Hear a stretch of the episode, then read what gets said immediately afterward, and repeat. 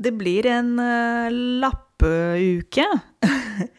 I går lærte dere å ta lappen, som betyr å ta førerkort og få førerkort. Og dere lærte at lapp i en um, kølapp, for eksempel, eller parkeringslapp, eller uh, kassalapp, uh, papir, prislapp, er et lite stykke papir. Men i dag skal dere lære noe nytt. Har dere spist lapper? Nei, jeg snakker ikke om papir. Lapper betyr um, no, det, er, en slags pannekake.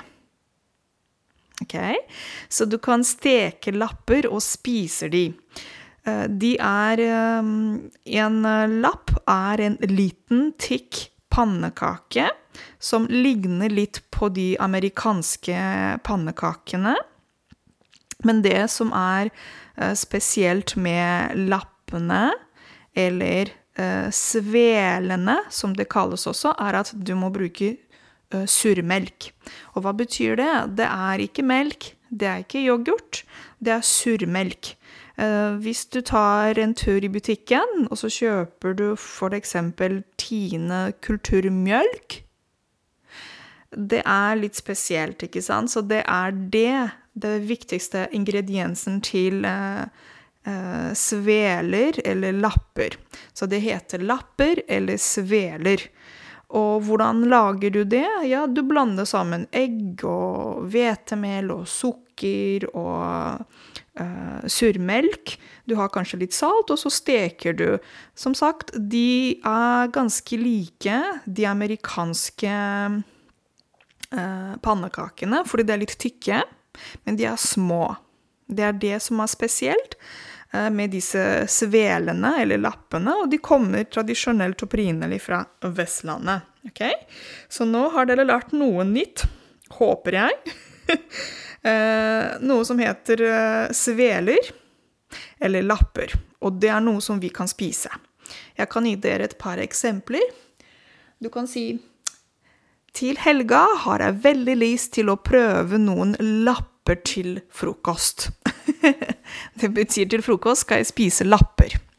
Eller så kan du si eh, tar man en tur til Vestlandet, så er det vel vanlig at du blir invitert på middag og blir servert lapper. Å bli servert lapper, det betyr disse svelene, som sagt. Okay? Så det fins um, ehm, sveler, eller lapper, men vi, det fins også noe som heter rislapper. Og rislapp, uh, rislappene er basert på risgrøt. Ok, Så hvis du har uh, noen rester hjemme, litt uh, risgrøt som du ikke har spist ferdig, da kan du bare blande det litt med hvetemel og sukker og kanskje egg og litt kardemomme. Og vips, da er det ferdig. Og så steker du de. Der har du laget det som heter på norsk rislapper. Så husk at rislapene er basert på risgrøt. Ja, hva blir til eh, middag i dag? Blir det noen sveler eller rislaper? Tusen takk for i dag. Vi høres i morgen igjen. Ha det!